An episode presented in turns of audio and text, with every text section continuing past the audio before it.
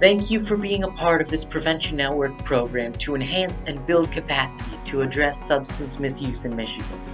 This is Prevention Navigators, a podcast for the SUD prevention workforce. Together, we can shape a future in which all people in Michigan can live a healthy life without the impact of alcohol and substance misuse. Hi, I'm Ruth Schwendinger. Joining us today is Ms. Doreen Turk White. She's an executive director with a chief executive officer with the Empowerment Zone Coalition. Ms. Turk White is responsible for the day to day management and administration of the coalition, including supervision and training of direct and support staff.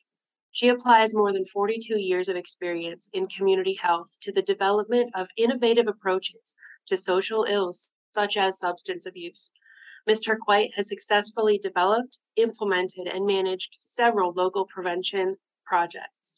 Some of the major projects that she's managed include the Detroit Wayne Integrated Health Network contracts, Drug Free Community Support Grant, Center for Substance Abuse Prevention Community Prevention Coalition Demonstration Grant, the Michigan Governor's Discretionary Grant, and Partnerships for Success grants. Ms. Turk established Empowerment Zone Coalition as a 501c3 nonprofit substance abuse prevention coalition in the city of Detroit. For the past 31 years, her major focus has been on coalition building in the field of substance abuse prevention. She is widely respected for her skills in community organizing, action research, coalition building, training, program development, and troubleshooting. She has been recognized for her outstanding leadership qualities through receiving fellowships from the Eureka Communities Detroit chapter and Join Together, Boston University. Ms. Turk White also has been a consultant for the Community Anti Drug Coalitions of America in Alexandria, Virginia, and provided technical expertise in coalition building to the White House National Office of Drug Control Policy. Mrs. Turk White has received several awards for outstanding community service in substance abuse prevention. She received the Detroit City Council Spirit of Detroit Award, Wayne County Commission, and the Michigan Department of Community Health Office of Drug Control Policy Community Services Award. She serves on a variety of community boards, and she was selected to participate in national focus groups, including National Youth Anti Drug Media Campaign and Achieving Outcomes, a CSAP evaluation initiative administered by Caliber Associates of Washington, D.C. Mrs. Turk White also served on the Coalition Advisory Council for the Community Anti Drug Coalitions of America in Alexandria, Virginia from 2000 to 2005. Mrs. Turk White holds a Bachelor of Science degree in Health Education from Central Michigan University in Mount Pleasant, Michigan, a Master's of Education in Clinic Community Health Education from Wayne State University, Detroit, Michigan. She received a certificate as a health education specialist from the National Commission for Health Education Credentialing Inc. in Allentown, Pennsylvania, and a certification as a prevention consultant with the Michigan Certification Board for Addiction Professionals. Good morning, Doreen. Thank you so much for taking the time to, to visit with us today and share your story a little bit of the history of your knowledge and involvement in coalitions in Michigan. Thank you for inviting me. I'm excited to hear a little more of your story. I know we visited a couple of times recently in preparation for this conversation. For a starting point, I wanted to ask you why do people form coalitions? What's the purpose? Why should people do it? Basically, many of the coalitions are started really out of someone's compassion uh, around an issue. Uh, there may be things going on in the community. Just a grandmother seeing kids are, you know, using drugs, they're getting tired of it. They're so they decide to do something. And a lot of times when they start, they have no background in coalition building. They just know that they need to do something and they need to have people come together in order to do that. We start coalitions because we want to have a common goal that we're working towards, that people can actually come together and from diverse pop- populations and diverse people and actually work together uh, to solve an issue or a problem. What draws you to coalition work? Where did you get started in all of this? Well, I I lost two brothers. What happened was uh, one brother he died by gunshot, and substances were involved. The people who attacked him had been drinking, and um, it you know escalated into a fight, and they ended up shooting him. He ended up dying. Mm. Uh, that was my second year of college. Mm. And then my younger brother, he was confined to a wheelchair. He had what they call osteogenesis imperfecta. He had brittle bones and he drove by hand controls and he had survived, you know, all of these breaks that they have. When he was born, he was born with a broken leg, a broken arm, and a busted chest because and a, a concussion because they didn't know he had the disease. And so he had survived all of that and ended up in a car accident. And so he drove by hand controls. And you, you know, you never hear the straight of the story. But there were substances involved there. People had been drinking. It spurred me to say that we need to do something. You know, just about that time, uh, the Honorable Alberta Tinsley Talabi had put out a statement that we weren't doing enough around substance abuse. And so she wanted to form a group uh, to see what she could do uh, to reduce that in the city of Detroit. And so she formed the task force and policy panel on substance abuse prevention. At that time, I was at the Detroit Urban League, and um, Dr. Amos Adoroja was my, uh, he also was the person who taught all my core classes in my master's program. And so uh, once they formed that group, we all came together, both prevention and treatment, to see what we could do. You would probably know it today as the Partnership for Drug Free Detroit. Okay. Uh, around that time, the Center for Substance Abuse Prevention, they released a grant uh, called the Coalition Demonstration Project. And we decided to apply for it to see if we could reduce. And that was what they were talking about coalition building and we decided to apply for it. Uh, we did apply for it. Uh, we received it, and that's where the Empowerment Zone Community Prevention Coalition started. Before the coalition demonstration grants, the pers- the group that led before us was the community partnerships. They were funded by CSAP, and at that time, they were funded for five years, and they built partnerships around substance abuse. Thing that were key about both of those initiatives was that we were given substantial amount of money focus in on the issue. Um, you know, with every funding source comes requirements, come deliverables that you have to do. Mm-hmm. But when they funded us from CSAP, we were only focused on that one topic, which made it a lot better for us to really uh, get into the community. So you say you're focused on that one topic with the community partnerships with the five year grants from CSAP. When you're talking about that one topic, it was substance misuse or alcohol and substance misuse? Yes, it was. Uh, okay. And then when we brought the coalition demonstration project, they wanted to see that coalition building would be a, a viable vehicle to reduce substance abuse in this uh, substance misuse and abuse in the city. So when you're talking about coalitions at that point in the history of coalition building and community partnerships, when we're looking back at it from today, we're, we're looking at and we are familiar with the 12 sectors and and more and trying to make sure that we're coming at one issue from multiple levels from multiple angles and we can surround one issue and come at it in a very supportive way where we can build up the strengths and the protective factors as we would call it today mm-hmm. around mm-hmm. this one issue was that part of it back then or was it just hey we need everybody to work together on this we're not quite sure how we're going to structure it we're not quite sure why but we know we need more people involved each coalition did it in a different way because there was no because there was no, you know, handbook on how to do coalition building. Because I'm a health educator by trade, my specialty is program development. And so working with Dr. Amos Adoroja, we always had uh, the coalition to be evaluation driven. So where we didn't have the strategic prevention framework back then, we had models in health education that helped us to look at it from a standpoint. Back then, we had the res- uh, resiliency model, where you want to look at resiliency theory, where you want to look at what does it take to make uh, an individual resilient. You know, where does it come out of their environment, their home life, what they do on a daily basis. We use that. When you're talking about the different models and you use the resiliency model and you were always evaluation driven based on your experience and your your your background as a health educator.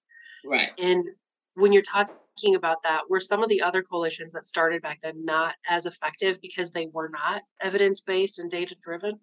No, uh, each one had a component of evaluation because part of when CSAP fund you, they gave you some things that you, that you had to have. You know, you had to have programming, you had to have a um, look at a needs assessment and, and community assessment. Some of them looked at resource assessment. You know, what resources are in the community to assist reducing risk factors and increasing protective factors we were evaluation. Most of them were evaluation, uh, had evaluation components. Uh, okay. It. You know, it's just that they did it in a different way. We all found a way to one look at what the problems were in our community, bring people together to hear from the voices of the community that which is important. You know, because sometimes you're far removed from the people you're trying to serve.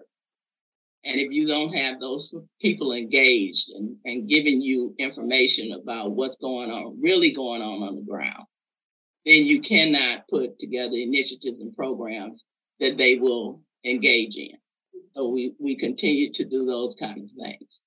We also did uh, focus groups, you know, uh, key stakeholder interviews, really getting out and talking to people and really finding out what, what is needed the biggest thing you have to do in a community is build the trust, build the rapport, build the relationships. You know, you also have to know whether that community is ready to receive and to work on that particular issue. Sometimes the community is very passionate about an issue, which is like substance abuse or when fentanyl hit the street. Uh, they were very passionate about that because people were dying, you know, and other times they're not as passionate about an issue, but you need to know that when you're trying to build a coalition so that you know where you have to start in getting those people engaged in what you're trying to do. So it seems like a lot of the elements that we're still working on today and developing in communities as far as start with building trust, start with an assessment piece where you're listening and understanding, look at the readiness of the community to address whatever the issues are that you're targeting mm-hmm. and find passionate people who are ready to to make this a priority yeah. if it's not a priority you've got the wrong people at the exactly. table right exactly you know and you have to keep recruiting you know it's a never ending story when it comes to recruiting people to your coalition because things change all the time you know mm-hmm. one of the things the coalition is designed to do is to keep our pulse on the community because we're designed to move quickly. You know, we're designed to make sure that we're meeting the community need. That's one of the things that I'm missing from a lot of the groups I get to work with right now is they don't feel like they're designed to move quickly because it's more agency representatives who may not have the uh, authority to make decisions sitting at the table instead of community members. And when that transition happens, we miss that flexibility, we miss that speed with which we can respond to those urgent needs in our community and we we begin to see more of a disconnect and so i'm wondering maybe we can talk about this in one of the workshop but when we're talking about being responsive to our community and really being a part of that if we don't have community members that we're serving actively part of the decision making group can we create a community advisory council or something like that some type of continuous feedback loop where we can continue to hear about the concerns and priority concerns of the community Yeah, and that's a real challenge. Uh, when you're inside of an agency, you have certain uh, requirements and certain uh, responsibilities to that agency. And so it makes it a little bit more difficult. But, you know, I tell people all the time you have to duck and dodge. You have to figure out what's in that agency that you're allowed to use and allowed to do, and then go to the community and, like you say, put together a group of uh, advisories or do focus groups. So you're actually getting the voice of that community into the coalition. You know, some coalitions, what we do is we do two meetings. You do the agency where you have all the agencies at the table, and then you create something in the evening where you can bring the community folks together. And when you're building capacity at every meeting, instead of just putting that on the agenda, how do you actively do that? Do you have any suggestions for for people who are looking to constantly feed into the capacity building part? Well, what you one thing you want to do is you want to work towards getting uh, staff. That's one of the things we learned early on is that you have to have at least one person that can help you to coordinate. You know, volunteers are, you know, valuable, you know, but that's what they are. They're volunteers and they cannot always kick in and do what we need them to do at the time we need them to do it. So mm-hmm. if you work towards getting uh, grants and things that will allow you to have staff, that's very important because the staff is who will help you to facilitate, who will help you carry out some of the uh, details of, of what the community wants to see. Another part of capacity building you want to look at is you're always recruiting. You know, you're always looking for people who will fit into the coalition. What and then you put them where they're passionate, you know, because people will work harder if they believe in what they're doing. So you want to put them you come when when I um, invite coalition members, I say, well, what are you really passionate about? What do you really want to work on in this group? You know, we tell them what all the committees are. We tell them, you know, the type of things we're working on, and then we get them engaged in those things. Now, you know, COVID did affect a lot of what we did when the committee structure wasn't as solid there. Then what we would do is that we would call on people you know, if we needed to do a particular project, then you say to yourself, who needs to be at the table to help with that project? You would invite all coalition members, but you know there are particular people with particular skills that could help you. So you may put in a personal call to them and say, can you help me out with this? There are agencies that you could collaborate with to get things done, you know. So when you're doing capacity building, you have to think of all those components. Who are the people who need to be at the table? Who are the agencies that you might be able to collaborate and pool your resources so that you're maximizing those resources going back to the community? Oftentimes we put together right right now in Wayne County, we are putting together the Wayne County Coalition because we have several coalitions in Wayne County. And there are some things that we could work together to do. You know, right. back when we had the partnerships and the coalition starting, we used to have a statewide coalition where we all came together. We would converge on Lansing most of the time because that was the midpoint, and we would work together and we would do things throughout the state. The UP a lot of times couldn't come down, but we made sure that we could include them by having uh, a way that they could call into the meeting if they couldn't come down. And when we're talking about building all of the building capacity and incorporating people where they're passionate, it's important also for people who are kind of new to grassroots groups and, and coalition building to understand everybody's agendas are a little bit different. And we need to work on those spots where there's overlap, but recognize too that there's hidden agendas that we have to account for individuals' egos and agency egos and try to use discernment when we're talking about asking people to use their funding resources for some shared projects. And uh, there's a lot of intricacies when it gets into that. For, for newer people who might not be as familiar with working with groups and building collaborations, we really need to pay attention to learning those hidden agendas and mm-hmm. asking people, what are your priorities? And, and aligning what we're asking of them with what their what their objectives are. And we can do that. We just need to have that constant communication. And we also need to train uh, to make sure that the people at the table understand coalition work. Mm-hmm. Started, we had a member who he was faithful. He helped, he come. It was two years in, and then he said, I finally get it. You know, now we've been training all along, but it didn't sink into him until two years in what this is all about.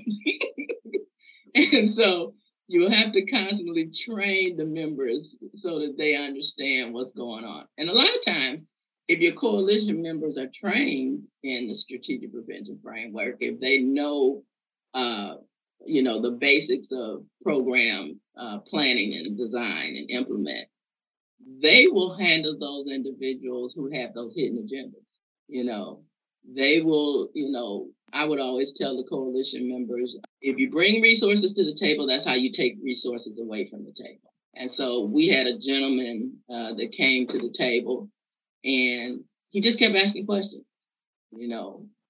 And so finally, one of the members said, So, what are you bringing to the table?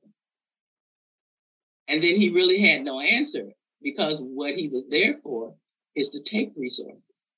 Mm-hmm he wasn't really engaged in doing the coalition work.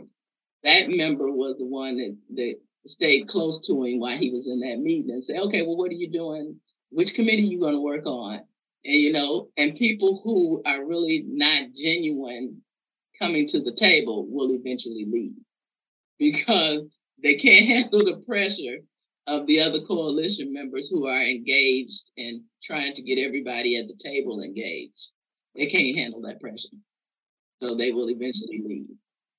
So we highly value those members who continue to push others to to be more productive, to be more involved, to right. make a bigger difference and impact on our communities. Those are the the people we cherish as right. coalition leaders. It's like, thank you for speaking up and being that voice, being that advocate wherever you go, because that's right. what we need. Exactly. You know, I had a um, she was she would just say, "I'm just a mother," but she got really engaged in the coalition, and she was a real force in the community. She knew where everything was in the community.